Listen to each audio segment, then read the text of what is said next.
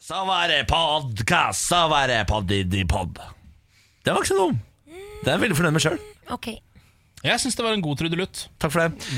Velkommen skal du være til podkast, kjære lytter. Eh, nå har jeg altså fått en ny podkast-mail. Eh, det er noe av det hyggeligste jeg vet. Send meg mail, niklaskralforradio1.no, eh, og vi får tilbakemelding på hvordan vi skal gjøre podkasten. Ja, fordi vi er ikke helt sikre på hvordan vi skal gjøre denne podkasten, så vi trenger eh, noen innspill. Uh, Færa har sendt oss mail, og hun vil gjerne ha uh, hemmeligheter, gode historier. F.eks. da da jeg lå med voksen eh, dame på danskebåten, eh, og sånne ting. Vi har jo foreslått at vi skal, uh, siden det er på en måte våre mest eksklusive lyttere eh, som laster ned podkast, eller mener vi da i hvert fall. Crème de la crème. Det er VIP. Da burde vi levere noe eksklusivt eh, tilbake. Så Ja.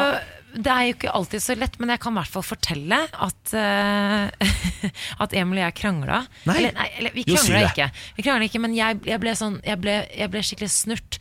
Fordi da jeg la meg ned i sengen uh, Jeg har tvunget Emil nå til å begynne å re opp sengen. Ja, for, bare for å ta det først. Bra. Uh, Han er hjemme hele dagen, bare nevner det. Ja, det er faktisk sant. Ja, eh, å ta han skal faktisk bli student til høsten. Det er også Skal en liten det? hemmelighet. Hva skal han studere? Eh, økonomi. Her, er det sant? ja, ja. På BI, eller? Det er helt riktig. Ja. Eh, det skal jeg kan snakke om siden også, men uansett han skal bli student. Og, og det vil si at han ikke begynner før 20. august, for det er da skolestart er. Men han har blitt så flink til å re opp sengen, så når jeg kommer hjem, så er det da redd opp. Oh. Problemet er at vi har to forskjellige dyner, det har jeg snakket om tidligere. Den ene er lett og eh, kald, og den andre er, er tung og varm. Og det har vært så varmt, og nå som jeg er gravid, så blir jeg Man får jo man får jo hetedoktor ganske mye fortere enn vanlig. Så oppdager jeg da da jeg legger meg at oi, han har bare byttet dyner. At den ligger der som en sånn derre Han har byttet dyner, sånn, sånn snik. Han tør ikke å si noe. Og så vet jeg at han gjør det for at han ikke tør å si noe til meg. Men da ble jeg bare enda Da klikka det. Da klikka det. Emil! Har du bytta dyner? Ja, Tror du jeg er idiot, da? ja. Tror du det, Emil? Det var faktisk akkurat det som skjedde. Veldig bra. Eh, med dette her skal du få i alle podkaster fremover. Nå må vi gi oss, for nå er låta snart ferdig på Å, radio. ok, ok, ok. Så vi må tilbake til radioen. Eh, ha det, ha det. Kos deg med podkast. Morgen på Radio 1. Vi er jo altså tilgjengelige på Instagram og Facebook. Eh, og vi eh, pleier å spørre om hva du driver med, hvor i landet du hører på. Vi elsker å høre fra dere, så må gjerne sende oss melding. Petter er på. God morgen, Petter. Veldig veldig hyggelig at du er med oss også denne dagen. Thea er med oss. God morgen, Thea. Ja, god morgen, Thea. God morgen. Hyggelig. Eh, er også på, Sandra er på, og Sigurd er på. God morgen, alle sammen. Veldig hyggelig at dere har valgt å skru på Radio 1 denne torsdagsmorgenen. Har vi det fint? Vi bruker alltid terningkast i denne redaksjonen. Vi starter med deg, Samantha. Etter å ha hørt en Shaggy-låt, eh, en svak femmer, som jeg mener er ganske bra. Til å være fem over seks, Ja. så mener jeg det er meget bra. Ja. Altså, det er jo, jeg pleier i hvert fall som regel å våkne, så ligger jeg alltid på en jevn treer. Ja. eh, Vanligvis. Og så pleier det å liksom eh, heve seg derfra og ut dagen. Men i dag føler jeg at jeg allerede nå ligger på en firer. Eh, sikkert mye pga. skjegget. Wow, wow, wee, wow. wow, wow, wee, Så det kan hende jeg sprenger skalaen og bruker fantasy-terning senere i dag. Oi, shit. For de som ikke har vært med på fantasy-terning før, så kan jeg få nevne at eh, det absolutt beste på fantasy-terningen, det er jo trollskjegg, eh, tryllehatt, eh, støv og alver. Ja, Det er Så- det kvasseste man kan få. Det er det villeste man kan få, men Ja. det er også mange andre terningkast man kan få med fantasy-terninger. Det er uendelige kombinasjoner på Det fantasy-terning. er jo det. Det er veldig rart med det. Jeg er på en um, Jeg lurer på om jeg gir meg selv en fire i dag. Jeg har litt å gå på oppover. Ja, Lurt. Lurt. Jeg tror aldri jeg har gitt fire før. Det er første gang jeg gir fire. Og jeg har ikke en dårlig dag. Ja, Sier du det? Ja, For du pleier som regel å kaste femmeren. Du. Så vi kan stole på de terningkastene dine? altså. Absolutt. Men, eh, men jeg velger nå å gå for en ny metode, nemlig starte litt lavt Ja. og heller jobbe meg inne. Ja, ja, men det er lurt, det. Det er ikke så dumt, det. Nei. Nei. Husk at det er jo et maraton, dette her. Vi skal holde på dette er maraton. Vi har jo altså fire gode timer foran oss. Ja. Eh, Tre timer og 53 minutter. Ja. Hæ, det er vilt. Hadde vi en fin dag i går? Gjorde noe spennende? I går gjorde jeg ikke veldig mye spennende. Jeg hadde min uh, ukentlige Fifa-turnering mot en kompis. Uh, der gjorde vi det begge helt ræva i år. Er det der dere sitter og drikker whisky mis Ja. og spiller Fifa til natten blir uh, lang? Ja, Nå blir jo ikke natten så lang lenger, siden jeg må legge meg litt tidligere. Siden jeg skal opp så tidlig Men vi holder det nå gående. Vi starter litt tidligere. Starta i seksdraget i går. Ja. Dunka innpå to pils. Litt av eh, whisky. Jeg snuste ekstremt mye i går og fikk vondt i hodet på slutten. Jeg tror det egentlig var litt dårlig taktisk. Du har den evnen, ja. mm. såpass. Du har også evnen til, å- til å liksom framstå litt barnslig. Ja. sånn, Du snuste så mye at du fikk vondt i hodet. Ja, det Det. Det. Det var ikke spesielt lurt av meg, Fordi da eh, begynte fokuset å gå bort fra Fifa-spillinga mi og over på mitt eget hode. ja. Eh, Så jeg var litt, eh, litt som de sier, sånn der get your head in the game. Jeg hadde ikke my Ja. head in the game, jeg hadde my head on my head. Skjønner, skjønner, skjønner. Nei, jeg hadde en, en nydelig lille lørdag. Jeg koste meg med fajitas og regnvær. Jeg syns det er deilig med regnvær. Fajitas det er de lefsene som du legger tre i en ildfastformet ost oppå. Det er enchiladas. Det er enchiladas. ja. mm. Fajitas er på en måte bare en, en annen versjon av burrito eller taco. Okay. Ja. Det er så mange en annen navn. saus. Ja, nettopp. En annen saus. Det er sausen Ja. som gjelder. Nettopp. Eh, men det hørtes ut som en deilig dag, det. Ja, det var nydelig. Nydelig. Jeg var en tur ute med min mor i går. Ja, du var det det var! Det. det. Absolutt. Og så var det, ja. Du, Det var veldig hyggelig. Vi startet uh, mamma, Hun hadde et, et, et ekstremt behov for å finne et sted vi kunne sitte ute eh, og spise pizza. Hun hadde veldig, altså, en veldig sånn tydelig krav. Vi skal sitte ute, skal spise pizza, skal gjerne være varmelamper, jeg skal få lov til å røyke. Så da eh, måtte jeg jobbe med det som utgangspunkt. Havna på Alexander Kiellands plass her i Oslo. For de som ikke vet det, så er det et kryss. ja det, er, det er et veikryss. Det er et veldig stort veikryss med en meget habil pizzarestaurant. Mm. Altså en av de bedre. Så vi satt der eh, og drakk øl og vin og kosa oss. Og så bevegde vi oss ned til et område i Oslo som heter Vulkan. Mm. Og der satt vi. Jeg viste mamma Blå. Å ja! Jeg tok med mamma på Blå. Ja. Som er et sånn hipt utested i Oslo. Eh, det var veldig gøy å se mamma på Blå, for det er to verdener jeg aldri har eh, sett møtes før. Det er hyggelig. Ja, Satt dere ute? Satt ute på Blå og drakk, eh, og så var jeg hjemme etter tolv. Ja, ok, Så det ble såpass uh, på en måte seint for oss uh, som skal opp så tidlig. Ja, så jeg eh, avslutta egentlig Nei, det var helt 11 eller 12. Ja, samme det. Eh, Jeg forlot de sittende på blå. Eh, Hun og mannen, da. Ja. Hun ble igjen, ja. Hun ble igjen. Kul. Så de tok en kveld på blå, kan du si. da Er du sikker på at hun kom seg hjem til Moss i det hele tatt? Jeg skulle ikke, jeg bodde på hotell. Åh, Ja, da, Hadde en råflott dag i Oslo. Det er det som er så koselig eh, med foreldre som er utenbysfra. De tar ofte inn på hotell, i hvert fall mye mindre. Ja. Og så tar de seg en sånn Oslo-kveld. Ja, ja, ja, ja. Det er så gøy, for da har de en liten sånn miniferie. ja. Hotellfrokost i dag. Åh, deilig. ja Mamma eh, pleier jo også å gjøre dette, komme inn til Oslo og gjøre, henge med meg på den samme måten, og har ofte de samme type kravene, som er sånn eh, Det må være uteservering, for jeg skal må ta meg litt av røk, eh, og så skal det være jeg, Hva faen er det? Dette er jo to fine damer fra Moss. Ja, eh, Begge jeg to. tenker kanskje vi skal prøve å kroke dem opp en dag, jeg. Å, dæven. Ja, jeg tror det. Oi, det hadde oi, vært en oi. hit, tror jeg faktisk. Ja. Gjerne her inne. Jeg lurer, på om, ja, jeg lurer på om de to skal møtes her inne. Jeg tror det. Oi, At de ja. begge tror de skal møte oss respektivt, og så har vi bare ordna det så det er de to som egentlig skal møtes. En Vennedate? Ja, jeg Å, tror, herregud, så koselig. ja Dette skal vi Det prøve å må få til dere på et gjøre. tidspunkt. Dette har jeg troa på, Ken. Ja, jeg Dette har jeg meget troa på. Morgen på Radio 1. Eh, nå, eh, altså dette her den, Denne saken føler jeg at jeg leser kanskje en gang hvert tredje år, men nå kommer den igjen. Nå har de da endelig funnet ut hvorfor mayafolket døde ut. Har de det Ja, nå igjen? har de endelig Har funnet de ut det. igjen. ut? Ja. Ok. Å, ja, du, du fikk ikke med deg det? Nei. Eh, dette her er noe jeg har lest på National Geographic sin eh, lille blogg. Um, og Der står det altså at um, det det har blitt spekulert i tusenvis av år hva som skjedde. Var det eh, avskoging, sykdom, borgerkrig, overbefolkning, eller var det noe helt annet? Hvis det var noe helt annet. Okay. Eh, svaret ligger på bunnen av en innsjø i dagens Mexico. Da er vi tilbake ja, mye Mexico om dagen. sånn jeg Mayafolket liker- er jo Mexico. ja, ja, ja, ja, ja, ja, ja, ja. Eh, Ifølge en artikkel som ble publisert i det prestisjefulle tidsskriftet Science på fredag. Eh, der har de da studert sedimentene i, gru, i grunnen Altså bæsjen? Ikke, eksperiment. Nei, ikke ekskrementene. Jeg vet ikke helt hva sedimentene er, men det høres ut som noe noe- noen stoffer da som ligger i grunnen under eh, innsjøen Chichancanab. Og der, ja. Ja, har du vært der? Nei. Sedimenter er små partikler som kan bli transportert av vann eller Ja. et annet medium. Ja. Ikke sant? Eh, og da har de da fått bekrefta at mayafolket ble altså utsatt for en langvarig og enorm tørke. Oi. Ikke ulikt det vi eh, Ai, ai, er i vei, på vei inn i. Det det som Eh, skjedde. Så det var rett og slett det som skjedde. Det var, det var i hvert fall det de tror nå. Da. Det er sikkert noe nytt om et par dager, men eh, nå eh, mener de at den varte i over 100 år, Wow! den tørken. Og da gikk det jo ikke så godt med det folket. Det er jo kanskje De forståelig. klarte seg en stund, da. Ja, de klarte seg jo tydeligvis i 99 år, da. Og så smalt det. Så Gikk de over? sulta eller tørsta i hjel, da. Ja. Uff a meg, for en forferdelig måte å dø på, da. Mm, de tørka rett og slett ut. Nei, det var vondt. Eh, vi skal ta en overskrift som høres morsom ut, men som er en egentlig kjip sak. Bra. Fikk tatovering i pannen, anmelde utviklingslag. Ja, det er jo egentlig hilarious. Ja, Det høres veldig hilarious ut, men det er en forferdelig sak. egentlig Polske Tomek hevder at han fikk 100 euro mot å tatovere brudgommens navn i ansiktet.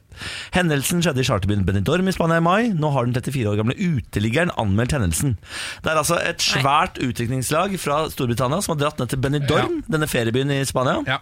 Og så har jeg tenkt sånn Haha, vi gjør noe gøy da, dere, vi gjør noe gøy Og så har de funnet han der stakkars uteliggeren Nei. Så jeg sånn, trenger du penger eller? Så har han sagt, ja, fordi han er uteligger Eh, Så har jeg sagt, ok, men da må du tatovere Jamie Blake North Shields N28 i panna Og så har han sagt, og så har han uteliggeren da vært full eller høy Og sagt, ja, det er greit og så har de gjort det, og så har de tatt bilde av han Og så har de lagt ut på internett for alles spott og spe Og så har det gått viralt Og så har det selvfølgelig snudd og blitt bad times for alle Ja. Det er ikke så rart. Eh, nei, det er heldigvis ikke så rart. Så nå har eh, eh, folk begynt å reagere.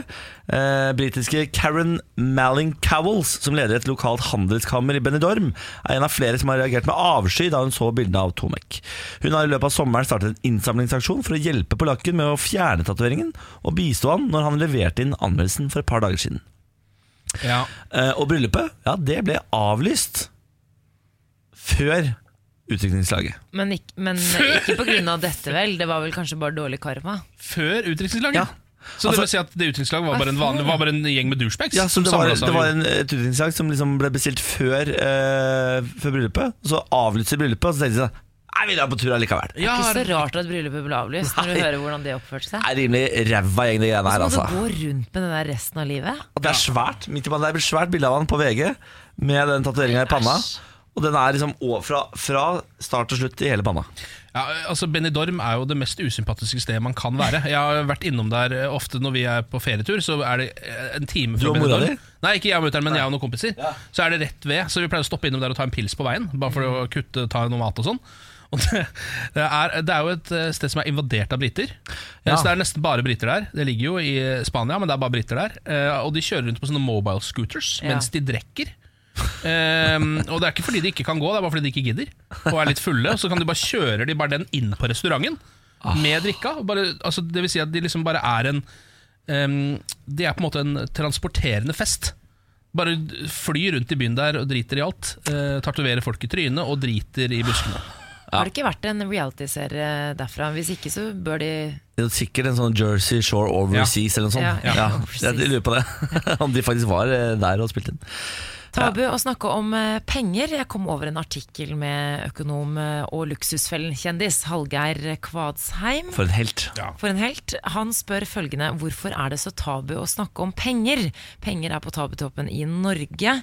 Eh, I en spørreundersøkelse eh, som Bluestep Finans utførte, så svarte 36% at økonomiske problemer er det mest tabubelagte samtaleemnet i samfunnet.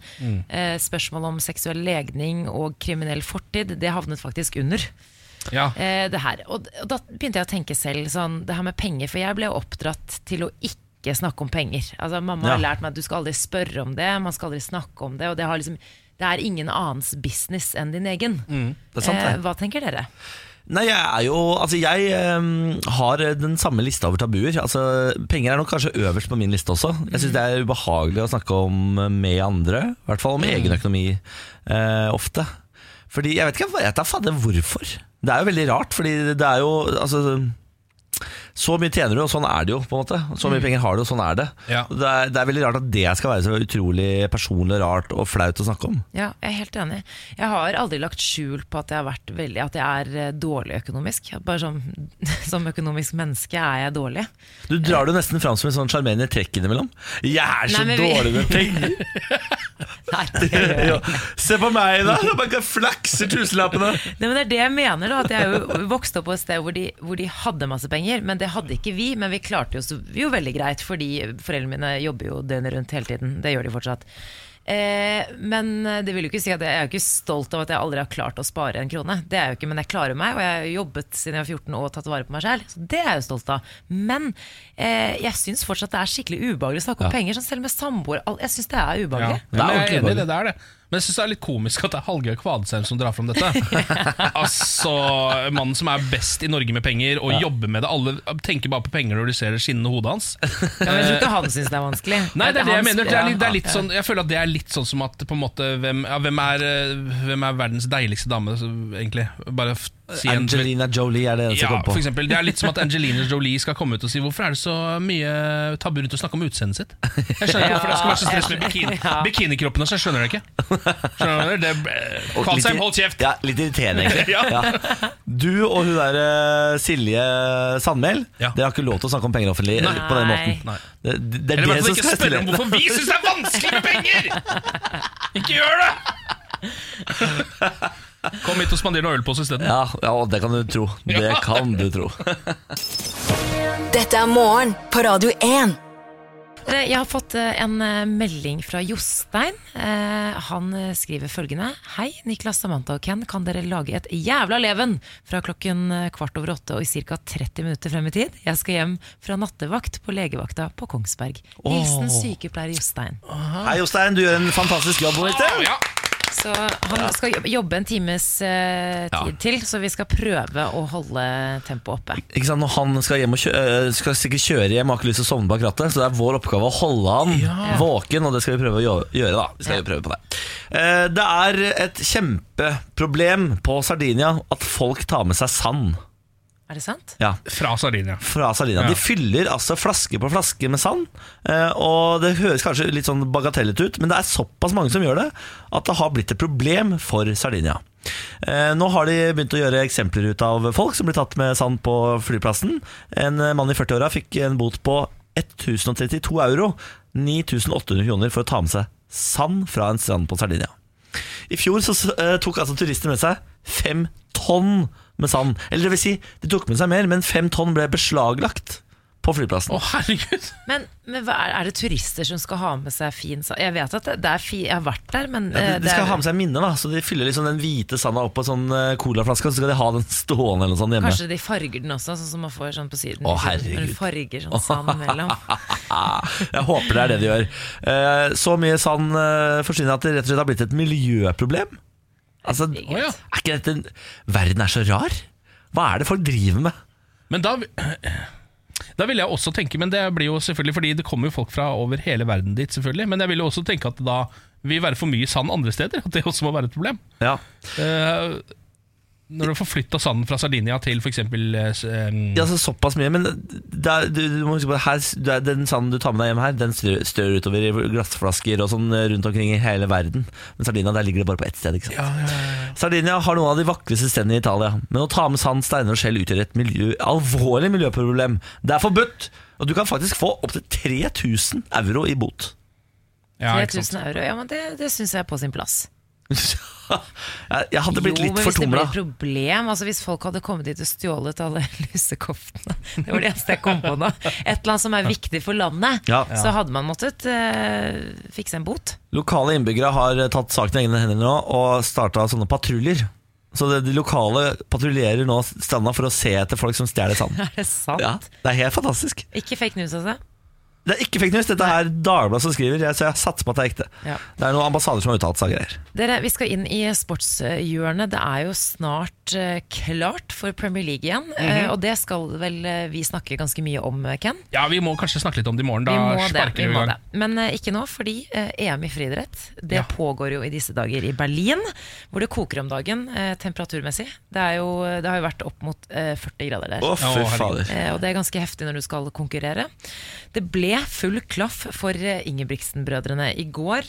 Alle tre gikk videre eh, på 1500 meter finale eh, i går. Det er altså så sinnssykt. Jeg dro jo rett her jeg håper å si, fra jobb i går og for å se alle heatene. De, kom, de løp jo rett etter hverandre. Og Brødrene var jo hvert sitt hit, heat, og så var det jo eldstemann først, Henrik. Eh, han lå an eh, veldig bra egentlig hele veien, og så dura han på til slutt. Ble nummer tre. Så var det lillebror Philip, som kanskje imponerte mest i går. For eh, han tryna altså så heftig da en annen løper kom eh, løpende foran han, og så trynte han, og så så det ut som det skulle gå bra. Men så eh, liksom fikk han en fot, altså piggskoen til en annen, rett inn i benet. Ah. Vi kan jo høre litt eh, lyd fra løpet. Bruke så lite krefter som mulig. Oi, Natal! Akkurat det skal skje! Oi, og oi, oi, oi, oi, oi, Filip Garay, den regjerende mesteren der nede. Det er akkurat dette som kan skje. Én faller. Han kan ikke noe for det. Der er faren med å ligge bak. Altså, Philip endte så langt bak. Han fikk seg et saftig sår. Han la ut bilde av det etterpå. Eh, måtte sy 15-20 sting. Men det aller mest imponerende er jo at han faktisk klarte å komme seg videre til finalen. Han lå Ja. altså så langt bak og klarte å bare altså, Ja, han er favoritt, da, for å si det sånn, til finalen eh, til helgen. Herregud, så rått. Helt rått. Så var det minstemann. Lille Jakob, 17 år gammel bare. Han eh, løp veldig bra, endte faktisk som nummer to i, i sitt heat. Så nå skal alle tre brødrene eh, kjempe om medalje. Finalen i morgen klokka ti på ti. Da er det mange som skal benke seg. Altså, er det noen som vet hvem som er best av de folka der? Av de tre? Av de tre? Ja. Ja, nei, altså det er jo F- eh, Philip, da. eh, Han eh, i midten. Ja. Han som tryna i går. Ja. Eh, bare det at han klarte å på en måte Det han klarte å vise Altså det han viste i går. Eh, men han, er jo også, han har jo også gjort det bra i den distansen tidligere. Så jeg, han er jo den største favoritten. Ja, for det han, er det han blonda di? de? Eh, Han blonde Ja, han lyser stadig, ja, kanskje. for jeg ja, jeg heier jo selvfølgelig på han med barten og de raske brillene. Ja, Det er for han ser så rå ut. Ah, han er min favoritt. Han ser så rå. Jeg heier på han 17-åringen, jeg. Ja, gjør det, ja? Fordi han er, han, er liksom, han er så underdog, og jeg går alt for underdog. Ja, Ah, det skjønner jeg. Og så har vi da The Golden Boy, din favoritt, Niklas. Karsten Warholm. Løp eh, semifinale i går. Det han har gjort i år, han har gamblet litt, for han skal nå delta i to ulike grener. 400 meter hekk, som han eh, er si, Han er jo verdensmester. Eh, og så skal han eh, delta i 400 meter flatt, og det var det han gjorde i går.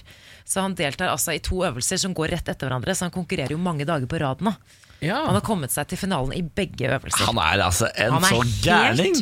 Helt. Eh, tok seg deilig. lett videre fra semifinalen på 400 meter i går. Vi kan jo høre litt eh, lyd fra løpet. Karsten Warholm. Han glir ifra og får med seg Janesic til finalen. Vinner Warholm? Ja, det gjør han. Og 44-91, årsbeste 400-deler fra norsk rekord. Og det uten å gå helt for fullt på oppløpet her. Det er så sjukt, for du ser altså, Han, han vant eh, hit i går, eh, så han skal jo til finalen i morgen. Men han bare han, han slakker ned på slutten. Liksom. Han kan, så han, god er han. han kunne jo tatt norgesrekorden hvis han ikke hadde slakka. Ja, men så skal han jo eh, delta i 400 meter hekk finale i dag. Ja. Og så er det jo ny konkurranse i morgen, så du må jo, det, er, det gjelder Spare å spare kreftene. kreftene. Ja. Men jeg er helt enig med deg, Niklas. Han er ikke stygg å se på. Nei, du er enig med meg, du. Du er så- enig med meg, du. Det er rått at Norge har blitt så rå til å løpe. Ja. Når skjedde dette? Jeg husker da, da jeg var ung. Ja, vi var ræva, da. Ja, Da var det Geir Moen fra Moss. Han var den råeste fyren vi hadde. Eh, han hadde eh, halvannen meter langt hår, og da han klippte det av, så ble han plutselig dårlig. det var jævlig rare er greier. Jeg husker Folk i Moss skjønte ingenting av de greiene. Men følg med kvart over åtte i kveld, for da skal han løpe finale i 400 meter hekk. Kvart over åtte. Yes. Da skal jeg skru på NRK. Yeah. Morgen på Radio 1. Hverdager fra seks. Eh, Her er Samantha, da. Hei. Hei, god morgen, Samantha. God morgen. God morgen, Ken Vasenus Nilsen. Morgen, morgen. morgen, morgen. Jeg heter Niklas Baarli. Altså, her har vi hva er det? Fader, hva er det? Hadde gitt oss kallenavnet før Jeg er sommeren. burritoen. Du er burritoen, Skjeggefrans. Ja. Og Skjeggekongen. Ja. vi ga deg kallenavnet Divaen, men du tok den ikke imot.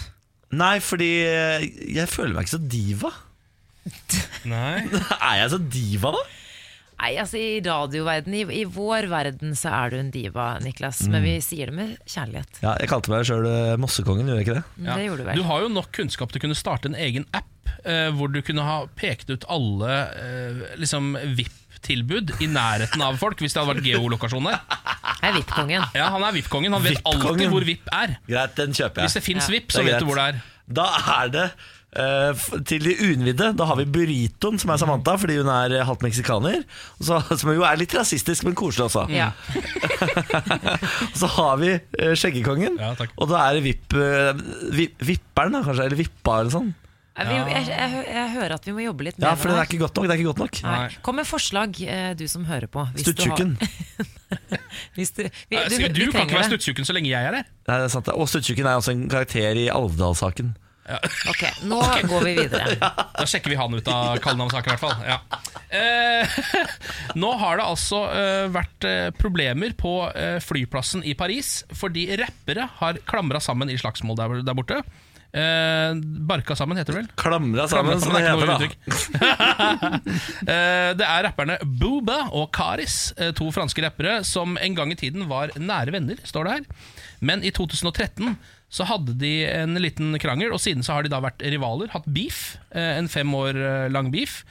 Og det den endte med, var at begge skulle til Barcelona nå nylig, og møttes da på flyplassen i Paris. eh, Så trynene til hverandre og kom på Vi tåler jo ikke trynet på hverandre, vi to. Vi kan jo egentlig ikke være her i samme avgangshall.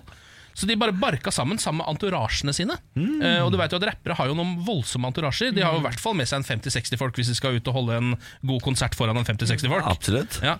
Um, så de begynte å slåss. Det, det står at det begynte uh, ved kosmetikkavdelingen i Dutifrin. Uh, der starta det. Og så um, banka de ut i, eh, der hvor man står og venter på Nei, i avgangshallen til slutt. da eh, Var der ute. Ehm, og slåss på en måte gjennom hele flyplassen på en eller annen måte. Yes. Det er akkurat som en, slags sånn der, Jeg ser for meg sånn tegneserieslagsmål. egentlig At du ser bare en sånn sky, og så stikker det bein og armer Ja. og tenner og sånn som flyr ut av den skyen. Ruller nedover. Så ruller den bare gjennom dutyfrien og eh, inn, altså gjennom hele flyplassen. Da. Um, og det ble faktisk sånn at masse fly ble utsatt med mellom 15 og 30 minutter. På Det er såpass, ja. på grunn av rapperne. Wow! Men det var var ingen som klarte Litt overrasket over at det er ingen som stoppa de før. Ja, men det er jo sikkert ikke så lett hvis det er da altså 20 stor sky ja, med masse ja, masse bein. Det ser litt uoversiktlig ut. Skal jeg gå inn i den skyen, tenker man. Nei, den holder jeg meg unna. Ellers er det mine armer og bein som plutselig stikker Det er et sted jeg ikke hadde begynt å slåss til, og det er flyplass. Fordi jeg føler at sikkerheten her er sånn Det er, det er sånn De er alltid liksom ett eh, knepp unna å skyte deg, føler jeg. Ja, det Det er, det er det stedet jeg alltid føler at jeg er nærmest å bli skutt. Jeg tror kanskje flyplassen i Paris også er et Ja, av de verste stedene. Og så er det også et eller annet med å hive seg opp i rappslagsmål. Er det, Var det Charles de Gaulle? Ja, sikkert Charles de Charles Gaulle. de Gaulle? Ja. Eh, det er tv2.no-sak nå, som er Nå er det avgjort. Dette er tidenes beste allsanglåt! Oi! Ja. Nå har de altså avgjort det. Denne sommeren har Allsang på grensen gått over TV-skjermene for tolvte året på rad og skapt musikk og sang i tusen hjem. Samtidig har TV 2, i samarbeid med Dagbladet Se og Hør, spurt seerne hva er tidenes beste norske allsang. 40 juryutvalgte låter ble til seks, og nå har altså seerne talt. Den beste allsanglåta i verden, dere, det er Tang, en gammel mann. Hele byen kjenner han. Ja da! Morten Abel Soltang. Som lever av gammelt brød og vann. Og vet du hvem som har skylda? Camilla Herrem. Hvor han kommer fra, Det står ikke det vet bare han. Mye av grunnen er Camilla Herrem. av håndballmesterskapene. Ja, fordi alltid når håndballjentene har spilt håndballmesterskap, så står Camilla Herrem og dreper den sangen her. Med kniv, liksom. Ja, og synge karaoke på banketten. Ja. Ja. Og, på, og på, altså, på det jævligste vis du kan tenke deg, står Camilla Herrem der med sånn forbanna stygg hatt og synger de greiene her. Gullhatt, mener du? Gullhatt, ja. Og, og, og hun synger da «Du er dang!» synger hun da. Ja. Men det er ikke så dum, da. Men tenk at hun har faktisk roet seg litt ned i det siste, for hun har fått så mye tid. Å, å, vet du? Nå kommer det allsang. Tore Tang, en gammel mann. Ja. Hele byen kjenner han.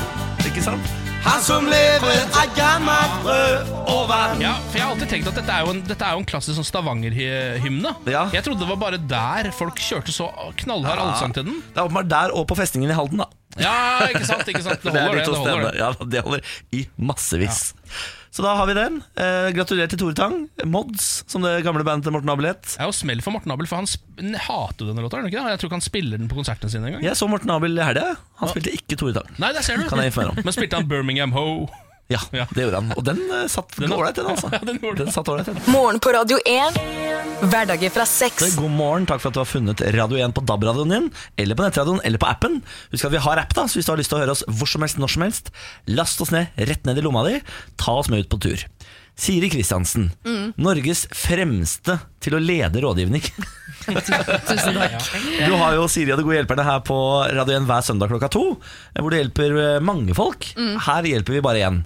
Ja, Vi skal hjelpe en som eh, gjerne vil bli kalt for Bill. Ja. Eh, det er ikke så ofte det er menn som skriver inn, det, eh, selv om dere har like mye problemer som oss kvinner. Absolutt. Egentlig holder på det mer, ja, egentlig Ja. mer, vil jeg påstå. Mentalt har vi mange, mye mer. Ja, dere har det mye vanskeligere enn oss. Um, eh, men han skriver inn Digg å ha dere tilbake på lufta, for det første. Ja, så hyggelig. uh, det har jo vært en fantastisk sommer, eller hva? Jeg har reist i Norge og gått i fjellet. Jeg har rafta, fjellklatra osv. Dere skjønner typen. Jeg elsker det. Miljøet er jo ikke større enn at man etter hvert stadig ser noen kjente fjes, og i slutten av juli møtte jeg en dame. En fantastisk dame. Vi klina heftig en hel natt, og jeg får henne uke ut av hodet. Nå skal vi på date. Men hva gjør man med en dame som har prøvd alt? Altså Den dama har vært på de høyeste fjell, de dypeste daler. Hun er tøffere enn meg. Så det blir kanskje litt kjedelig å gå på kino. Eller? Aha. Dette er gøy. Dette er, synes jeg var et gøy problem. Ja. Eh, vil du, eh, Samantha, siden du har det kvinnelige perspektivet, Mm. kan ikke du starte?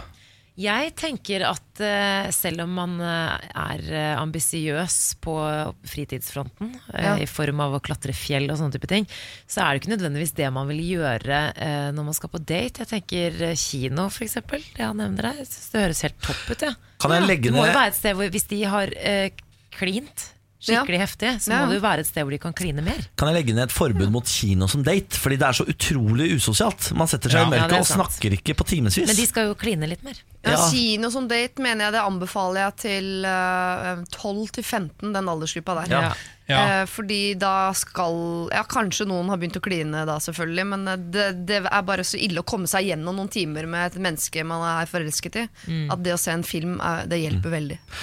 Kan jeg foreslå, dette er ukonvensjonelt, men jeg anbefaler det siden dere åpenbart er glad i eventyr, begge to. Sånn escape room. Escape room oh, det er skal bra jeg snart! tips. Det fikk jeg i bursdagsgave. Jeg skal det- senke Blücher, jeg. Det er ikke så Det er ikke så dumt, det. Ja, det er ikke så da dumt, er dere låst inne i et rom sammen, bare dere to. Dere kan kline og drive og løse mysterier. Kan man ligge med hverandre på escape room? Er det lov å bare gjøre det? Er det ikke film, blir du ikke filma? Jeg vet ikke. Hvis du tar ei doggy oppover en av de der Nei, nei, nei, nei. ikke ødelegg for Bill og Ja, okay. Bill og Buffalo. Ikke driv med det, Bill. Men, men Ja. ta nå i hvert fall og gå rundt i dette låserommet, kline litt, grann, finne noen hint og ledetråder. Ikke sant? Samtidig, ikke for å være vanskelig, men escape room for meg høres ut som et sted eh, Hvis man krangler noen gang. Ja. Så er det der. Jeg og lokføreren kan ikke gå på escape room, for jeg syns jeg er smartere enn han, og han liker Ja. ikke det. Så vi hadde krangla. Så vi hadde drept hverandre der Ja. For jeg, det jeg tenker er at eh, Jeg tror jo at litt av grunnen til at dere liker hverandre, er at dere begge vet at dere liker disse friluftstingene. Det var, det var liksom der dere møt, de møttes. ikke sant? Ja. Eh, der har de møtt hverandre, de har klina der og holdt på med det. Så kanskje nå kan du vise deg fra en annen side. For jeg tror denne personen også vil ha den Altså Har jo ikke tenkt å være på fjellet resten av livet hver eneste dag. Så det må jo være noe annet der også. Så nå kan du liksom for eksempel kjøre den gode gamle 'Da vil jeg lage middag', eller altså, noe noe sånt noe. da. Da vil jeg legge på enda mer romantikk. Fordi dere har klid, altså det, det er jo over noen barrierer. Man ikke, den spenningen som man vanligvis har på første date, den er jo litt borte, siden man allerede har uh, utveksla spytt. Da eh, mener jeg at du må finne en kurv. Lang fransk bagett. Rutete rødt uh, Åh, pledd. piknik! Altså Lage en ordentlig, ordentlig sånn filmpiknik. Jeg ser hvilken vei du er i ferd med å gå ned, Ja. Niklas. Og jeg må bare se, og der håper jeg å har med meg min søster Samantha. eh, På at man kan fort bli litt skuffet også, hvis man tror man har funnet en så jævlig fet fyr som driver med eh, rafting og alt som er gøy, liksom. Og så plutselig stiller han opp sånn rutete duk og fransk Det er ikke- er meningen. Det er ikke meningen å le, men jeg hadde fått litt sånn Å, dette er kleint. Ja, oi, oi, oi. Ja, jeg, er åpenbart verdens dårligste til Ikke jeg. Men det er så søtt. Jeg vil ikke drepe den ideen, Niklas. Det var veldig koselig. Jeg var escape room først. Okay. Ja, men det er to veier å gå her. Enten så blir hun veldig glad for at eh, daten er noe sånn ekstremsportaktig. Hun tenker sånn, å vi har funnet hverandre, det er dette vi liker. Eller så blir hun skuffa og heller hadde likt at han nettopp uh, dro på restaurant eller date sånn. Jeg hadde spurt, jeg. Kan jeg gi enda et forslag? Det? Ja. Ja. Kan jeg gi enda et forslag? Ja. Fordi jeg ikke spør, da dreper du litt magien. Det Ja. tror jeg, da. En poll på Facebook, ja. Dra på, dra på sånn lasertag. Du har, bare, du har sånne type forslag, er det du Er det? Ja, megasånn. Så da løper man rundt i mørket, og man må til vekk, og så skyter man hverandre med laser. Ja. Jeg er så glad du har en bitte liten mann og en svær bikkje. Kommer du også til å hive inn, verden. Dra på sånn sumo hvor du tar på sånne store sumodrakter. Det er gøy! Og så- Det er gøy. Det Og er så flere ganger. ligger dere oppå hverandre med å gnukke med de sumodraktene. Ja, du, Jeg er enig med Siri. Bare spør. Det, det, det dreper ingenting. De liker tydeligvis hverandre. De har klint, de har lyst til å kline mer. Spør, ikke gjør ting så vanskelig. Det er på Tusenfryd, da. Synes, Spør om alle disse tingene. Her, jeg ser for meg eh, Vil du ha eh, fransk baguette? Vil du på Ja. escape room? Vil du på Tusenfryd? Altså Liste opp alle de tingene du har kommet fram til her. Le litt av det. Det viktigste for meg er bare at vi har det like hyggelig som eh, da vi klina heftig i det teltet. Ja. Ja. Hvor vi njåka. Første stedet jeg og Benjamin spiste, det var eh, Egon i Tyholtårnet. I Trondheim, ja. Jeg hadde, aldri, jeg hadde aldri møtt Emil før første date, og han spurte meg faktisk hvordan høres dette ut. Og så sa jeg det høres helt magisk ut, for hun kommer ikke til å si Man kan ikke si noe annet. Så vet man jo hva man går til, så er Ja, vet du hva, det, jeg tror det kanskje er litt lurt. Jeg tror kanskje det er litt sånn overvurdert Det der med å liksom skulle overraske med hva man skal. Fordi i hvert fall jeg vet selv at hvis jeg skal på en date Så liker jeg veldig godt å vite hva vi skal gjøre. Ja, må For kle etter forholdet. Ja, jo, kle meg til forholdene Pluss at da lager man et slags mentalt bilde Som man klarer å følge. Det er mye lettere å være på den daten. Eller siste tips fra meg, som er å arrangere en predate. Altså si at vi skal på date, vi skal på fin restaurant på fredag, men vi møtes på onsdag først for å spille basket. Det er ikke en date, det er bare for å hilse på hverandre før vi skal på den ordentlige daten. For da har man mulighet til å kjøre sin egen private lille escape room mellom der. Og, og av hele karusellen, for å si det sånn. Eh, Personlig tips fra meg fungerte veldig fint. Bowling gjorde jeg også Benjamin første dag etter vi hadde vært på Egon. Så Ja. vi spilte bowling. Funka bra. Jeg husker fortsatt at han dansa til eh, Foster the People, Pumped Up Kicks. Ikke sant? Ja, ikke sant? Bowling er kjempefint. Da kan han snakke, drikke, kose seg. Ellers så kan det være kjedelig da å spørre. Det får være opp til dere. Send eh, problemer til Siri Alfakrøll, radio1.no. Hun er her hver eneste søndag og hjelper deg med problemene dine fra klokka to, eller på podkast når som helst. Last ned og kos deg. Morgen på Radio 1. Det er krise for spekkhuggerne utenfor Canada og USA. I snart to uker har en spekkhuggermor svømt med sitt avdøde avkom på snuten. Eh, Det er jo eh, et problem at det er veldig veldig, veldig mye turistbåter som driver og drar ut og ser på disse spekkhoggerne, som gjør at de blir forvirra og stressa og får ikke sove nok. Eh, De får ikke hvile nok, og får kun hvile om natta når eh, turistbåten ikke er der. Eh, Dette har gjort eh, til at eh, det blir færre og færre eh, i denne hvalbestanden. Eh, og nå, altså, nå er de nede i 70 hvaler. Eh, det, var, eh, det var en rundt um, 100 og et eller annet der. Men så kom det disse SeaWorld-parkene og tok med seg 50 av dem. Nei. Og så nå er det blitt innavl og sånn i de, disse flokkene. Og det går altså så dårlig med disse spekkhoggerne. Eh, det at eh, spekkhoggere svømmer rundt med mm, døde barn på snuten er visstnok ikke så uvanlig, men de pleier å gjøre det en dag eller to. Og så er det liksom over. Men nå har de svømt rundt her i et ukevis med denne, Ja, eh, dette døde avkommet. Og de mener at dette er et tegn på liksom at de er eh, under press da, og stress og ikke har det bra i det hele tatt. ja. Nei, det er så trist. Kjempetrist. Det er eh, Hva er det de heter da? Disse Greenpeace som driver og prøver å få folk til å stoppe da, med disse turene ut dit. eh, Og la denne bestanden liksom vokse opp igjen, selv om de egentlig er ganske dårlig stelt. Og forskerne tror at hvis man holder på sånn som i dag, så er denne gjengen med spekkhuggere borte om bare noen år. Det er så trist. Jeg var jo på SeaWorld i i San Diego da jeg var liten, og syntes jo det var kjempestas, men lite visste jeg eh, hvor fælt det egentlig er. Ja, SeaWorld er jo et eh, Det er jo styggdom. Ja. Ordentlig styggdom. Ikke dra, ikke dra til SeaWorld hvis dere Nei, er i USA, Ikke dere. bruk penger på det. Ikke gjør det. Eh, siden vi har hørt en litt sånn tragisk dyrehistorie, så skal jeg nå komme med en litt søtere en. Ja. Eh, selv om den også starter litt trist. Overskriften er 'Deprimert geit nektet å spise'. Seks dager senere avsløres den hjerteskjærende grunnen bak. Eh, og Dette handler da om geita Mr. G eh, og hans venn eselet Jellybean. Eh, som begge ble tatt fra hvert sitt litt sånn tøffe miljø og ble samla hos en bonde på en gård. Og ble da bestevenner, har jeg til og med egen Facebook-side sammen, disse to. Um, og så uh, ble de skilt. Uh, den ene måtte flytte et sted, for han, bonden klarte ikke å ta vare på både Mr. G og Jellybean. Så Jellybean flytta, da. Skulle bo et annet sted litt. Og da nekta altså Mr. G eh, å spise. Eh, han ble sur og deprimert. Alt han ville gjøre, var å ligge i et hjørne på låven, eh, og nekta å gå ut derfra, og nekta også å spise. Han var lei seg. Ja, Han var kjempelei seg, eh, og så gikk det jo et lys opp for denne bonden. Han tenkte fankeren i, i ankeren, her er det noe gærent. Det var jo mye bedre for noen få dager siden. Kan det være at, uh, det er, at han er trist fordi Jellybean ikke er der? Så han kjørte da Mr. G bort til Jellybean og sjekka åssen det gikk der. Og da begynte han å spise med en gang, gitt! Uh, Og ble seg selv i løpet av noen få timer. Uh, Og tilbake til det, det oh, jeg ser nydelige geita som det bildet egentlig her, var. Ken, over skulderen din. Ja, det det er- der var veldig søtt. Det er en veldig søt liten historie. Um, så nå uh, Så skjønner du jo at disse to kan jo ikke skilles fra hverandre. Nei. De må være sammen. Hæ, er ikke det nydelig? Jeg synes Veldig, det er så søtt med sånne historier fra dyreverden. Ja, Ulike dyrearter som blir bestevenner, det er min favoritthistorie. det. Elsker det. Jeg har en ren gladnyhet. Ja. Kom med det. Ruby Rose skal spille lesbisk Batwoman. Ja. Den eh, australske DJ-en og skuespilleren eh, Ruby Rose, kjent fra Orange is the New Black og filmen Pitch Perfect 3. Hun er en av verdens vakreste kvinner. Hun er veldig, veldig, altså, veldig vakker. helt smellvakker i fjeset. Ja, hun er veldig, veldig vakker. Hun skal altså spille Batwoman i en egen TV-serie, og hun vil være da den første eh, som får en skeiv hovedrolle i en egen superheltserie.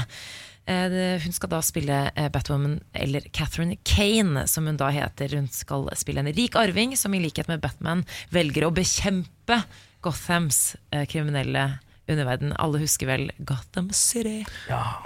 Hvordan, Hun skal ha da en kjæreste, eller som er uh, Ja, altså hun, det skal, eh, altså hun skal skal sikkert ha en, eh, hun skal sikkert ha en, uh, altså en kvinnelig romanse eller eh, Ja. interesse, et eller annet sånt. Ikke sant? Det blir noe sånt. Uansett, hun skriver på Instagram Dette er en barndomsdrøm. Dette er noe jeg ville dødd for å se på TV da jeg var, ungt, da jeg var et ungt medlem av LHBT-samfunnet, som aldri opplevde å bli representert på TV. Takk til alle. Takk til Gud. Takk til Gud.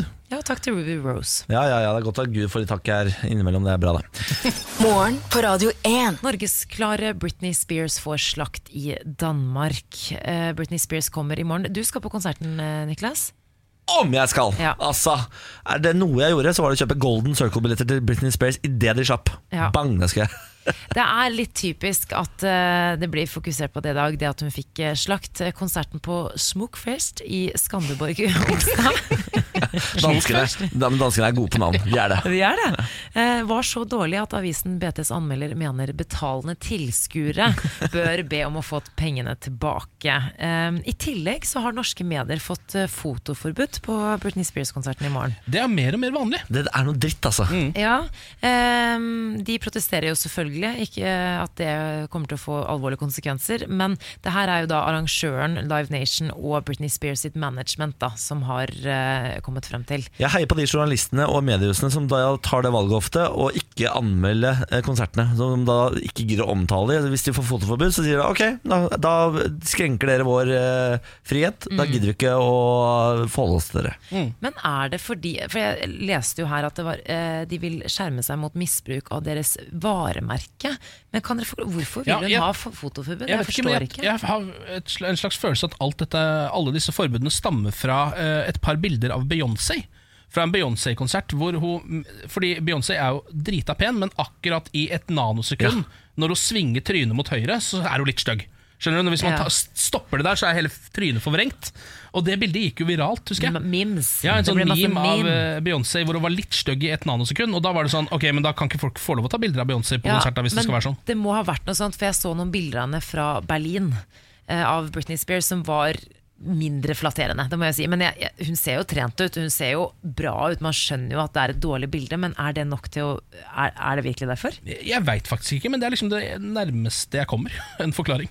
Ja, Det er veldig veldig rart, men eh, vi er imot det. Tydelig imot det. Ja, Slutt å ha fotoforbud, da. Jeg er forbanna nisser. Men du gleder deg til konsert? Er du gæren? Jeg har ikke noe tro på danske anmeldere, for de er alltid gærne når de skriver anmeldelser, og gir alltid terningkast én, har jeg inntrykk av.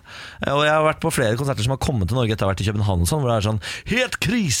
Det De må aldri finne på å dra på denne konsert! Og så drar jeg på den, og så er den kjempebra. Eh, hvilken sang gleder du deg mest til? Toxic, som er verdens beste poplåt. Oh yes. Etter Mirrors av Justin Timberlake. Mm. For det er min rangering av poplåter i verden. Ja.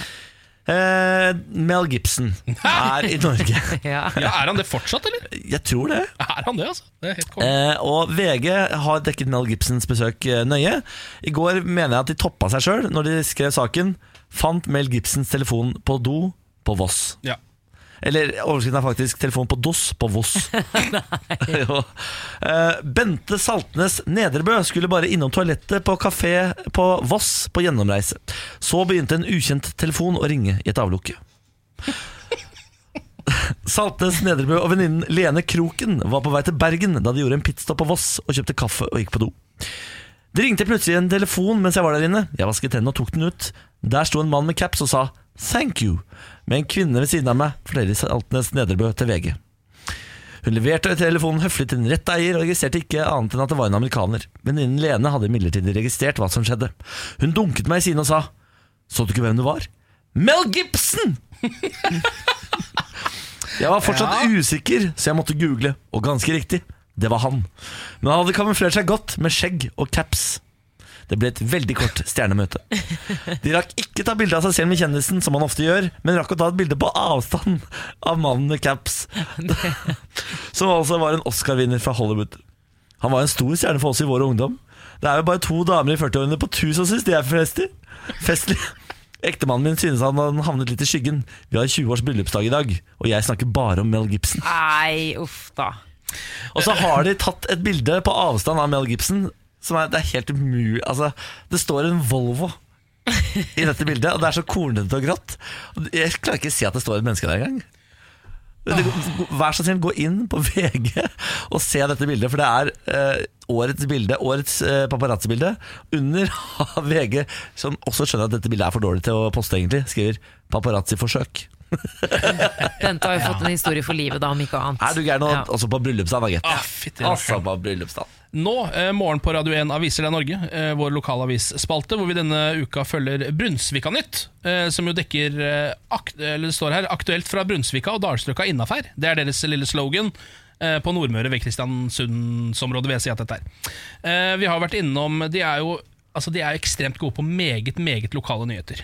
Det er den lokaleste lokalavisa i hele Norge. Ja. Vi har vært innom saker som største asfalthullet på veinettet i Averøy er for tiden på bussholdeplassen mellom Nako og en rørleggerbrist på Korvåg. Uh, og at noen har glemt igjen en rød stol ved veien. Der stol? stol? Ja, Der stol, som de har eh, døpt den. og også den eh, deilige saken som vi snakka om i går, hvor det var en bobil som holdt god fart.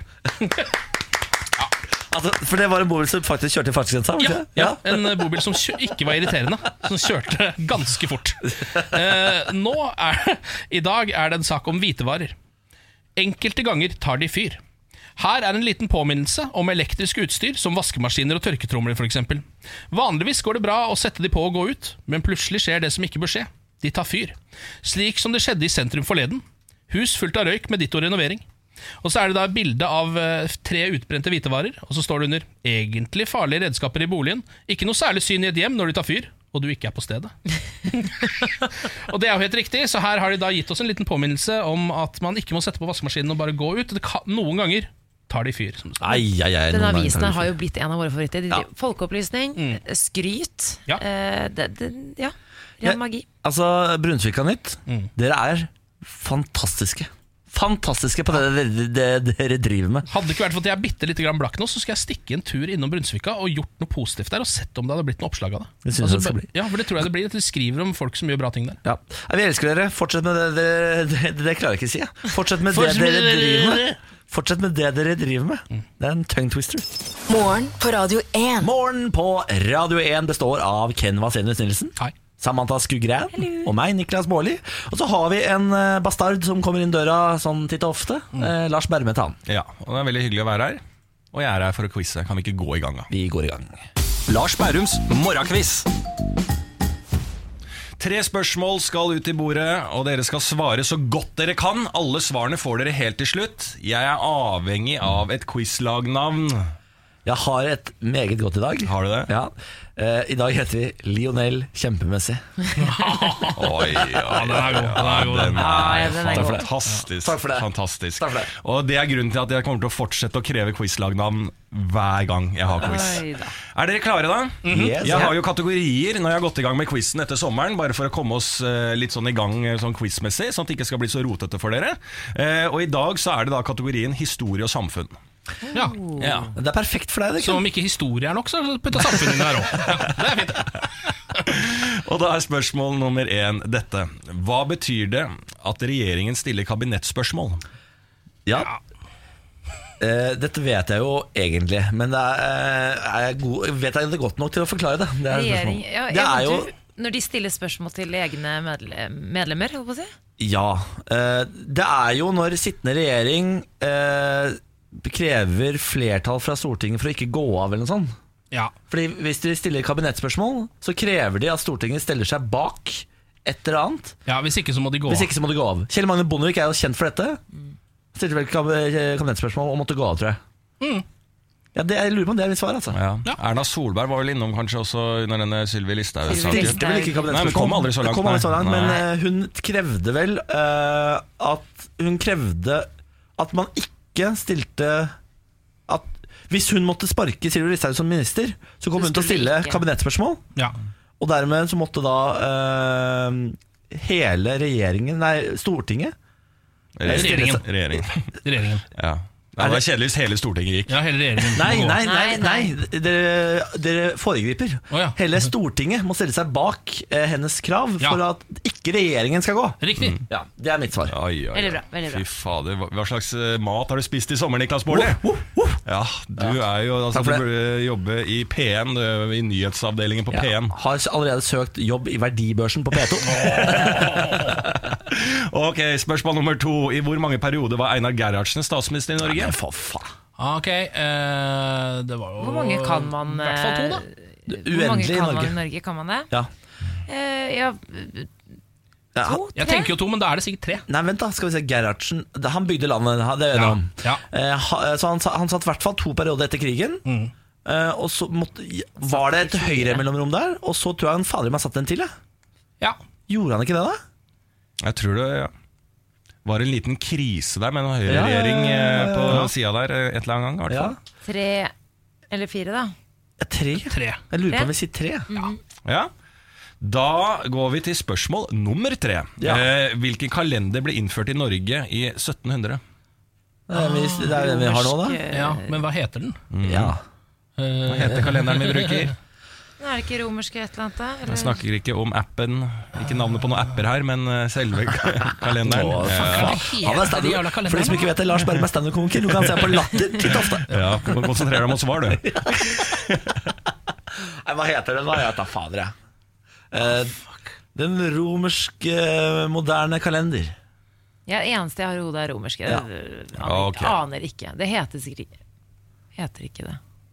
Romerske kalender. Gresk-romerske kalender. Den gresk-romerske, flere land som skal inn i her. Den tysk-gresk-romerske kalenderen. Dessverre. Tysk-gresk-romerske kalender. Vi, Nei, vi sier det romerske. Ja, ok, da får vi alle svarene her. Eh, Jeg starta med å stille hva betyr det at regjeringen stiller kabinettspørsmål. Her hadde Niklas Baarli et, eh, altså, et fantastisk foredrag til eh, terningkast seks, som kunne bare gått inn i hvilken som helst Ja, Hva er det de heter, disse teamene på skolen? Er det, det er samfunnsfag? Samfunnsfag, ja. Der hadde du vært en fantastisk lærer. Takk for det. For du forklarte alle at et kabinettspørsmål er at regjeringen i en sak sier at den vil gå av dersom stortingsvedtaket går imot regjeringen. Ja! Veldig bra, mulig? Niklas. Ja, er det mulig, ja? Det er nesten det er to poeng siden det kom fra deg. Yay! Altså Dette her er jo Jeg vet ikke om du har blitt operert i huet i sommer, eller hva det er, men du er kjempesmart, Niklas. Og så kom spørsmål nummer to. I hvor mange perioder var Einar Gerhardsen statsminister i Norge? Her var også Niklas inne og Ja. fabla og mente, og svarte til slutt tre, og det er riktig! Ja, ja, ja, ja. Dette sitter. Men så kom spørsmål nummer tre. Eh, Hvilken kalender ble innført i Norge i 1700? Alle mente at ja, det er jo den vi bruker i dag, men det var vanskelig å huske navnet. Så det var romerske kalenderen vi gikk ut ifra, men det var vel den vi hadde før den vi har nå, altså Julius-kalenderen eller hva det var. Ja. Så etter det så gikk vi jo inn og valgte å bruke den gregorianske kalender. Nei! Jo da, og den er den eh, mest brukte kalenderen. Altså to av tre. Nei, vi fikk to i starten. Ja, Så vi har tre av tre. ja. ja, tre av fire, på en måte. da Ja. Spørs på hvordan du ser det. Ja. Jeg velger tre av tre. Tre av tre. Ja, det er en positiv fyr. Ja da. Ja. Glasset det er halvfullt, det kan jeg love deg. Eh, Lars Berrum, i dag var en sang glede, gitt. Ja. Vi snakkes i morgen, da. Ja, vi gjør det hvis den gregorianske kalenderen min eh, tilsier det. Inshallah. Morgen på Radio 1. Eh, Vi hilser til Karoline, som har sendt oss melding i dag. Hei til Karoline. Eh, og så skal vi en tur til Argentina, hvor eh, verden hadde en sjanse. Eller Argentina hadde en sjanse til å gå fremover. Valgte å stå stille i eh, kvinnekampen. Ja, stemmer det. Eh, det skulle være avstemning Det var avstemning om kvinner endelig skulle få lov til å ta lovlig abort. Det sa Argentina nei til, gitt. Mm. eh, det var et sviende nederlag for den argentinske kvinnebevegelsen når det ble kjent at det var 38 mot 31 stemmer eh, for forslaget mot eh, selvbestemt abort frem til uke 14. Debatten varte i 15 timer. Ja. Ja. Det er altså eh, en forferdelig situasjon der borte, fordi det er eh, rett og slett ulovlig å ta abort. Eh, noe som fører til at veldig mange kvinner tar, i desperasjon tar abort på veldig lugubre, shady steder, og som dør. Altså 3000 mennesker har dødd eh, f- som eh, årsak da, av rett og slett fordi de, tilbudet er så ræva.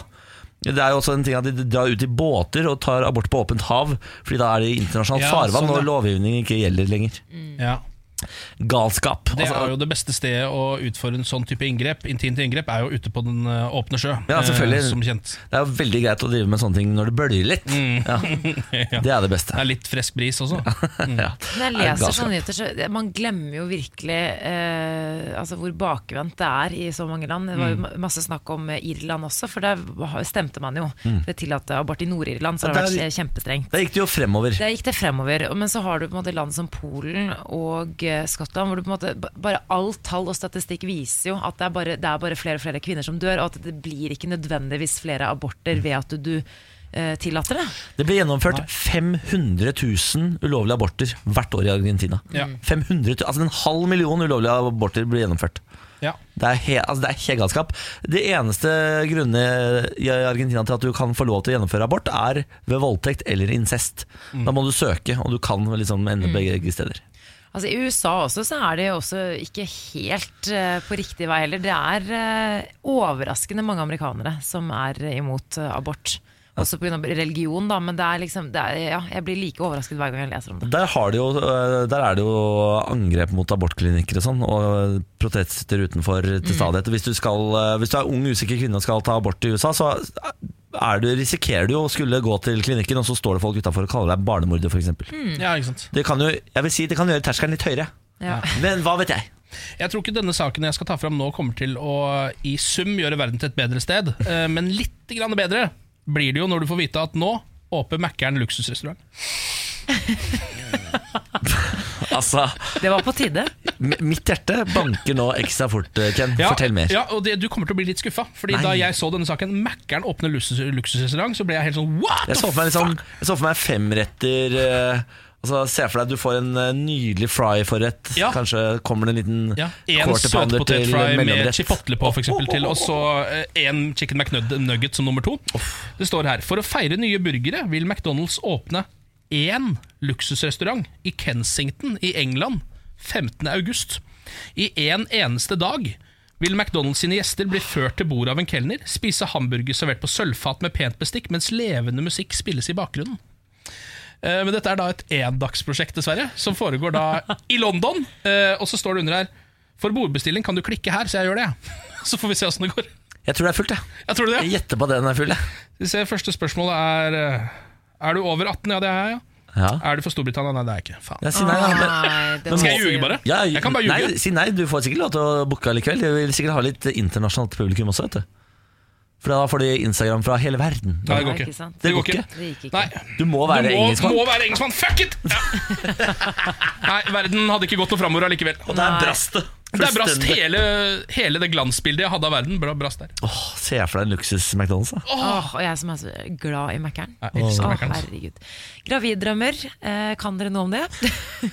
Jeg har jo gått øh, Jeg har innbilt svangerskap øh, etter hver sommerferie. Eh, Ser det i hvert fall ut som. Var det spøken? Å, det var ferdig å snakke, ja. Ja, det var vitsen. å, det var vitsen, ja. Ja, ok. Nei, Jeg, jeg stryker den fra manuset til neste show. Ja. Takk. Nei, eh, som gravid så kan man jo ha perioder hvor man drømmer eh, ganske mye og mye rart. Og det gjør jeg om dagen. Når jeg våkner eh, om dagen, så, så er jeg faktisk litt sånn sliten i hodet. For jeg har drømt så mye. Og så er det så realistisk. Det har aldri, mine drømmer har aldri vært så realistiske som de er i disse dager. I natt så drømte jeg at eh, barnet hadde kommet, og det skjer jo ofte. Det har jeg drømt mange ganger. Det er sikkert bare for å forberede deg på det mentalt. Ja. Også at det, på en måte, ting skjer fort, og så plutselig er den der, og så vet man kanskje ikke hva man skal gjøre, osv. Men i natt så var ikke babyen en vanlig baby, det var en liten babygris. Det var en gris! det er deilig, da. Du fødte babygris, ja. Og under hele drømmen så av og til så klarer jeg litt sånn logisk sans under drømmene mine. Ja. Så jeg klarer å tenke sånn Nei, men dette er bare en drøm, Samantha. Det går fint, bare slapp helt av. Men det var så realistisk at jeg våknet, og så rett før jeg våknet, så, tenkte, så rømte jo grisen fra meg. Eh, eller babyen min, mener jeg. Og så ble jeg så stressa, så jeg våknet, så var jeg sånn hvor er den, liksom? Så jeg seriøst strakk kroppen min og liksom så ned fra sengekanten for å på en måte se ned. For jeg på, "Der- Der er den! Der er den! Og var rett og slett helt utslitt. Men eh, var du glad Altså, var du lei deg fordi det var en gris? Nei, eller? det, det var helt Det var, normalt. ja, nettopp, ja. Ja. Jeg lurer på, hvis jeg skal, hvis jeg skal være drømmetyder, så tror jeg det betyr at du skal få en stygg baby. Ja, Det syns jeg er godt tydet. vet du hva? Ua, altså, jeg tror aldri at man selv kan si at babyen sin er stygg, men jeg tror at eh, folk som får stygge babyer, er ekstra glad i de. Uh, Ja. ja, det høres ut som humbug. jeg, tror, ja, jeg tror folk som får stygge babyer, blir skuffa. Faen, var stygge. Men er det ikke sånn at, at de som kanskje er mindre heldige når de er små, blir kjempepene Jo, når de jo, er store? du kan jo vokse deg veldig veldig, veldig pen, er du gæren? Men uh, de første årene stygg. Men skal jeg være den dama som sier at utseendet ikke er det viktigste? Nei, Nei, okay. ikke vær det. Dette er morgen på Radio 1. Jeg må bare si det, vi har fått en hund i studio. Det har vi. Samme type som hunden min Bjarne. Den her heter Theodor. Er Pernille sin hund. Pernille, du har altså verdens søteste hund. Ja, jeg har det. Han er jo eh, samme type som min, bare ti ganger roligere. Og det er en eh, golden doodle. Ja, åh, det er så fin Ja. Åh. Det er labradoren i min som gjør den rolig. Nei da. For det er labradoodle? Det er Det er labradoodle. labradoodle, ja. For det, det, er, det er derfor den er litt tjukk, for labradorer er jo ofte litt tjukke. Ja. Åh, ja, det var koselig. Vi skal nå over til Bårds lydrebus, dere. Ja. En spalte hvor jeg lager tre lyder med min munn, og dere skal gjette på hvilken aktuell sak vi skal frem til. Hvis du som hører på har lyst til å være med på dette, så må du gjerne eh, bli med. Gå inn på vår Facebook-side og gi Samantha og Ken noen hint, fordi de er ikke så gode til å gjette. så innimellom så trenger de det. I dag, siden det er eh, sesongpremiere, så jeg mener jeg at jeg har lagt meg på et ganske fornuftig lavt nivå. Okay. Okay. Så i dag mener jeg at dere burde ta den, og ta den ganske lett. Okay. Her kommer tre lyder på rappen.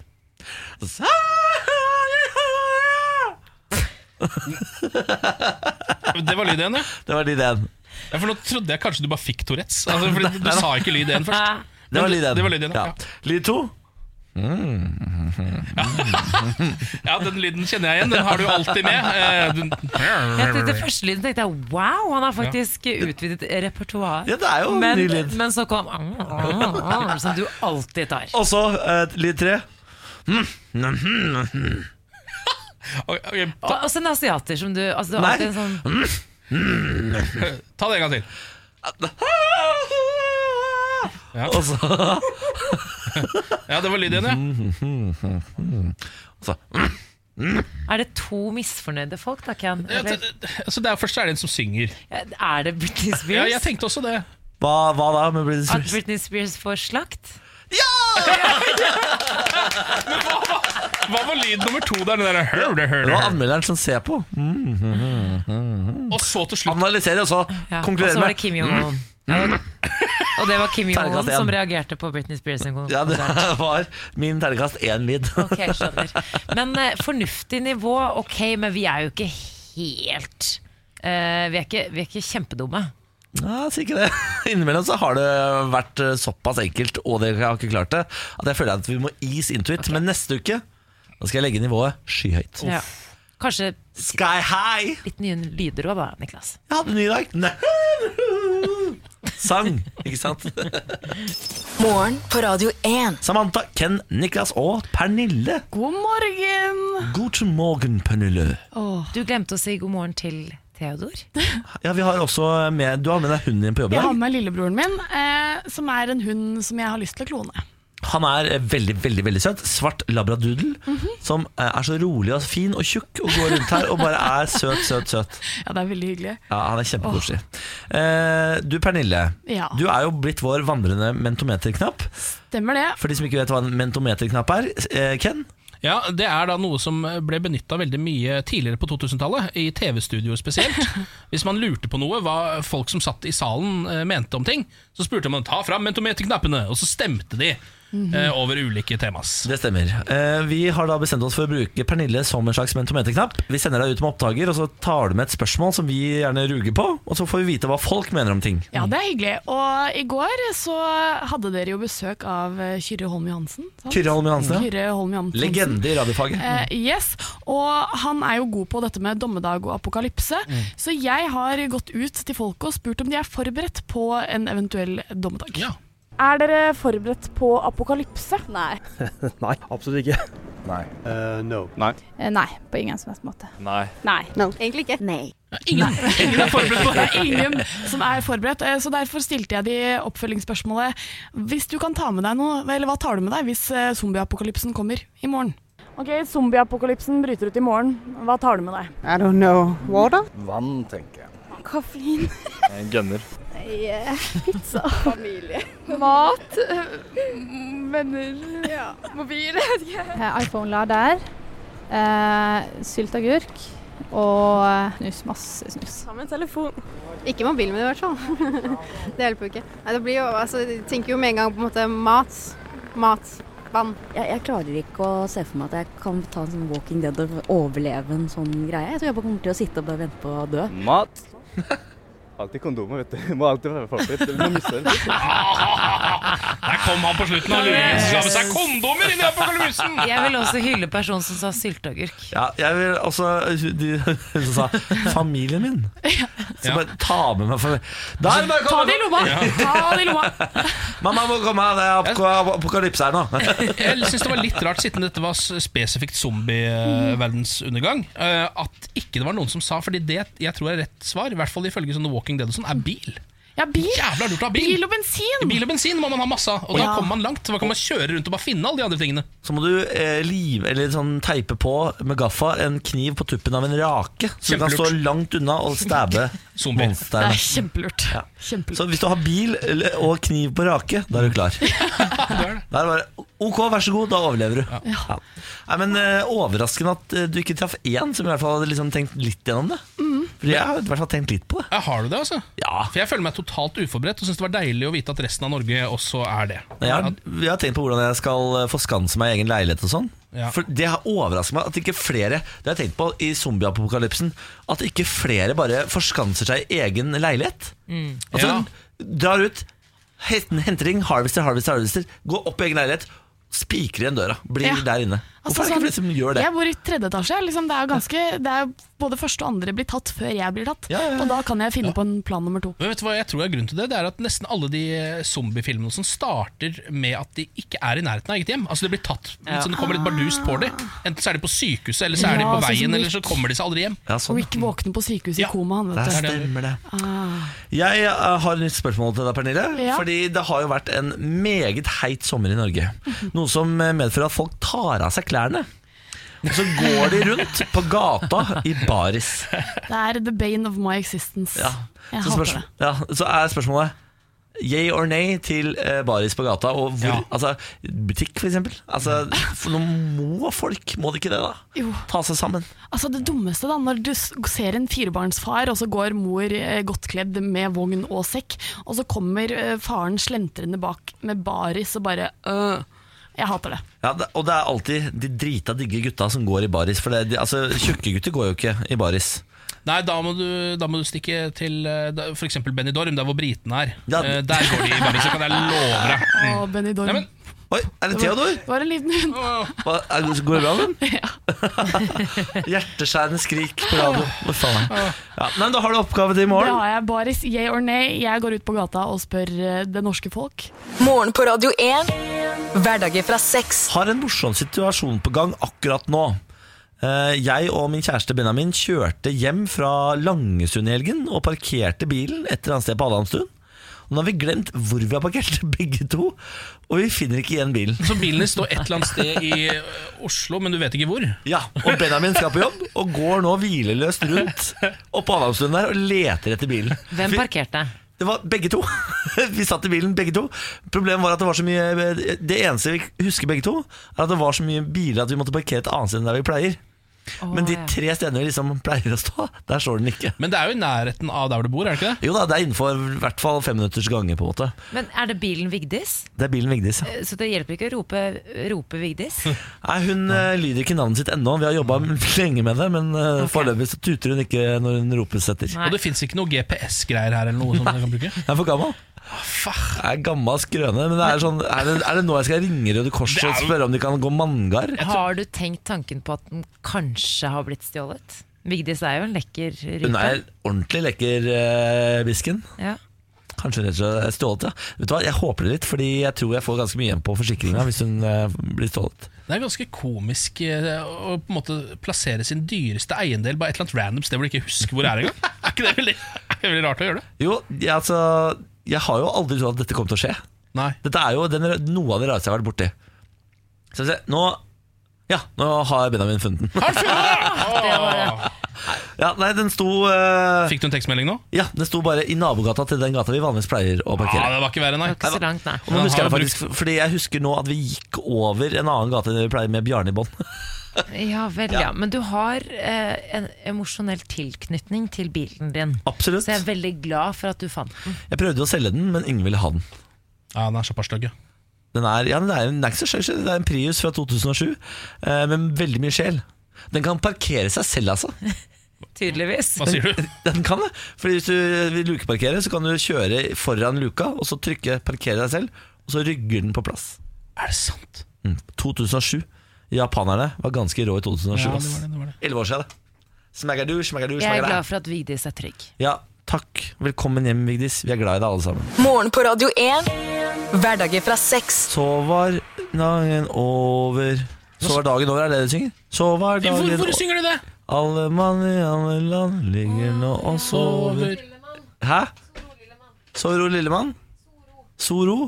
Soro? Soro, lille mann! Jeg, jeg, har alltid, jeg har alltid sunget Sov i ro, Lillemann. Så er det Soro Lillemann? Hva faen betyr Soro, da? Skal du sitte her og snakke Skal dere sitte her og snakke med å komme til mikrofon? Siri Kristiansen, kom til mikrofonen. Vi er i podkasten her. Kan ikke snakke langt baki der. Og si hei. Si hei til podkastlytterne. Hei, podkastlytterne. Sånn, ja. Hva er det du sier for noe? Soro? Lille mann, nå er dagen over. Det er sånn det er, ja. Alle barn i alle land ligger nå og sover. Men- Soro og tipp og tå, nå er dagen over. Eh, en eller annen sover også nå Nei, nå synger jeg feil! Jeg synger den for barna mine hver kveld. Bare fordi dere er eh, hårete og ekle og voksne, så klarer jeg det ikke. Jeg, jeg vet jeg er hårete, Siri, Ja. men det betyr ikke at Reven Det- sover det- også altså, nå med halen i hodet. Ikke ta det opp igjen. Det er, det er rasisme å si at hun er hårete. Den barten her Men hvem er er så ro? Det er ingen. Å nei. Det er ingen. Vi er gode på podkast i dag. Så ro Soro, lille mann. det er vel antakeligvis uh, for å si 'sov i ro, lille mann'. Men det var Ja. ikke så uh, artsy-fartsy, da. Sov i ro, lille mann Kan du ikke bare lage en ny melodi, da? Sov i ro. så ro jeg tenker at Det er nok av ting som er forvirrende når man er barn. Så trenger liksom ikke å gjøre sangteksten også så ekstremt forvirrende. Slutt med Det det er litt sånn rart. Vi er ferdige for i dag. Sier Kristiansen, har du noe eksklusivt å si til podkastlytterne? Jeg vil ikke høre flere sanger jeg synger for barna mine hver eneste kveld på ta en til. Ja, en kort en, da. Kan ta en uh, italiensk arbeidervise, for eksempel. Ja. Eller en, eh, eller en, uh, norsk arbeidervise. Ja. Eh, Som er 'Som en kaffekvern gjør jobben sin, hever lønna si' Nei, jeg klarer det ikke når dere er så ekle og hårete. Gå bort! Ok, så se. Vi ser en annen vei. Ok, Kjør, da. Som en kaffekvern gjør du jobben din, hever lønna di og Jeg får det ikke til. Ja, Så jeg det hver er dag i, i, i åtte år. Åtte år. Hør den italienske, da. I morgengryet før sola står opp, og billa ciao, billa ciao, billa ciao, ciao, ciao. I morgengryet før sola står opp, går vi til arbeid, du og jeg. Det er første verset av mange. Ja. Jeg kommer til å bli en dårlig mor, for jeg jeg, kan ingen sånne ting. Ja, det. Dette var helt på det jevne, eh, Siri. Helt på det jevne. Jeg klarer ikke å legge følelser i det når dere Nei, nei, helt på det jevne. Da eh, takker vi for følget. vi er tilbake i morgen. Ja. Til da, bon voyage. Ha det. Ha det. Dette er morgen på Radio 1.